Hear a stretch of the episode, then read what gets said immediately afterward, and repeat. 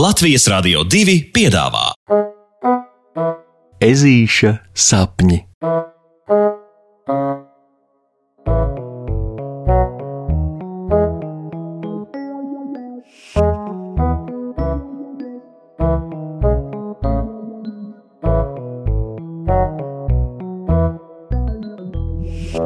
Ezītis vāra zaptine podus, otrā daļa. Tātad skolotāja Loreta bija uzdevusi meleņu ieplakas skoliņas audzēkņiem sadalīties pa pāriem un savstarpēji iemācīt otram kaut ko tādu, ko pats pieprot vislabāk. Un, lai arī ežuļa plāni bija citi, Puksīti par savu pārinieku izvēlējās tieši un vienīgi Lācāns Rokijs. Viņš bija izlēmis Puksīti apmācīt lielāko, labāko un neatkārtojamāko blēņu prasmē, kā rezultātā nu pat nu pat meleņu ieplakā bija lūzis vecais ozols. Ak, jēl! Ko teiks klases biedri, ko teiks skolotāja Loreta, ko teiks mamma un tētis? Puksītis stipri dusmīgi skatās no lejas uz augšu, cenšoties ielūkoties rokiem acīs. Mēs vairs nekad, nekad nevarēsim atgriezties mājās un skolā un meleņu ieplakā. Saproti, mēs esam noziedznieki! Puksītis no sirds pārdzīvojot notikušo, nogāžas vēkšpēdus, ieplakas sūnās un smagi elpo. Dzīve ir galā knapi sākusies. Katastrofa! Nevajag pārspīlēt, atskan pār puksīša galvu, kad lācens Rokijs aizstājas priekšā saulē, cenšoties ežuli nomierināt. Mēs taču no blēņas pastrādāšanas vietas aizlādāmies prom tā, ka mūs neviens nepamanīja, un, kā saka mana vecā mamma, ko acis neredz, par to sirds nesāp. Sāp gan! Puksītis lec kājās, un gandrīz vai ar asarām acīs auro virsū lācēnam. Kā viņš nesaprot, ka puksītis nekad nav gribējis būt blēņdaris, nejaucenis, kurš gāž podus, kur nu vēl kaut ko tik traku kā vecā ozola nolaušana. Un ja nu koku dobumā kāds dzīvoja, tu par to vispār padomāji, ko? Puksītis prasa lācenam, kurš pēc šī jautājuma saņemšanas manām sašļūk. Nē, Rokijs atzīstas. Un ja nu kādam no tā trakā trokšņa aizkrita ausis uz mūžīgiem laikiem, tu par to padomāji, ko? Puksītis nerimstas, jo vispār viņam no dusmām gribas ar rokiem stipri iekost kājā. Nē, Lācens apsēžas sūnās un sagumst vēl par kripatu vairāk. Un dinamīts! No kurienes tev vispār bija sadabūts dinamīts? Ja nu mēs abi būtu uzgājuši ar visu ozolu gaisā, tu par to padomāji, ko?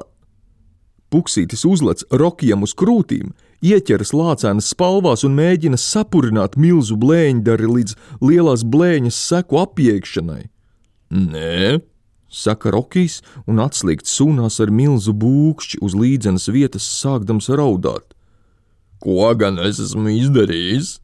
Ak, vajag, vajag, vajag! Nekad neviena blēņa mani nav tā mocījusi kā šī, kā man sāp sirds un dinamīts. To es atradu vecajos pazemes bunkuros, tur tādu vēl ir daudz. Daudz? Puksītim šausmās ieplešas acis. Kā kaut kas tik bīstams var būt daudz? Zem viņu mierpilnās meleņu ieplakas. Bet zobratiņi ežuļa prātā sāk griezties ātri, un puksītim ir skaidrs rīcības plāns. Viņiem jācenšas gadsimta nedarbu pārvērst par gadsimta diždarbu. Ejam! Puksītis stingri saka lācēnam. Mums ir jādodas uz policijas iecirkni. Un lai arī Rokijs ir pārbījies kā diegs, Lācens klausa puksīti un svempjas tik kājās. Saprotiet, Lācenam Rokijam blēņas nekad nav likušās kaut kas tāds, par ko būtu jāpārdzīvo, jo viņam patīk pats blēņu darīšanas notikums un process.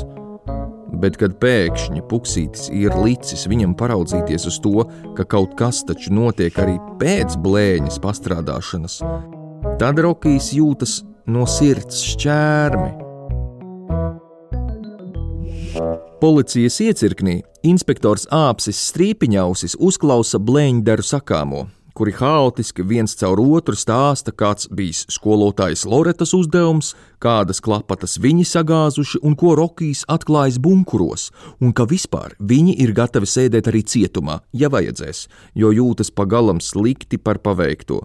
Beidzot savu stāstījumu, Lācens Rokijs jau viesoļo restotajā kamerā aiz āpša muguras, bet inspektors Strīpiņausis smīn. Pak, pak, draugi nosiecnieki. Vispirms tiksim galā ar svarīgāko. Un inspektora pavadībā Rokijs un Puksītis dodas parādīt, kur ir tie bīstamie bunkuri, un tad visi soļo novērtēt vecā ozola skādi. Bunkurus momentā no dinamītu krājumiem iztīra strazdu spēcvienība, bet vecais ozols, kā izrādās, jau sen esot bijis vecs un izpuvis, tāpēc rakaru nedarbs patiesībā mežam darījis pat labu. Fju! Kā tā var noveikties? Puksītis un Rokijs spriež viens ar otru, stāvēdam lācēna virtuvē pie milzu cidoniju un vilkābeļu augļu zaptes katla. Inspektors Strīpiņausis par lielāko sodu Rokijam un Puksītim ir uzdevis savārīt tik daudz ievārījuma, lai katrai meleņu ieplakas ģimenei varētu iedāvināt pa vienai burciņai garduma par lielo izbīli ozola gāziena dēļ. Zeltenis ārtais ievārījums Puksītim un Lācēnam nu sapņos rādīsies, bet kas pelnīts, tas pelnīts, rakari lemj. Un Rokijs Puksītim pēkšņi paziņo, ka vispār viņam šķiet, varbūt esot jākļūst par policistu. Jā, jā, tieši tā. Ja Puksīts to nebūtu dzirdējis pats savām ausīm un no paša Rokija, viņš nemūžam tam nenoticētu.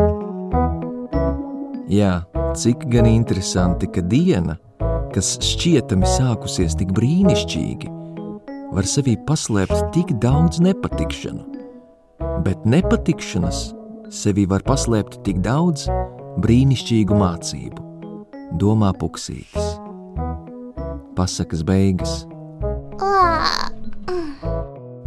Ar labu nakti! thank you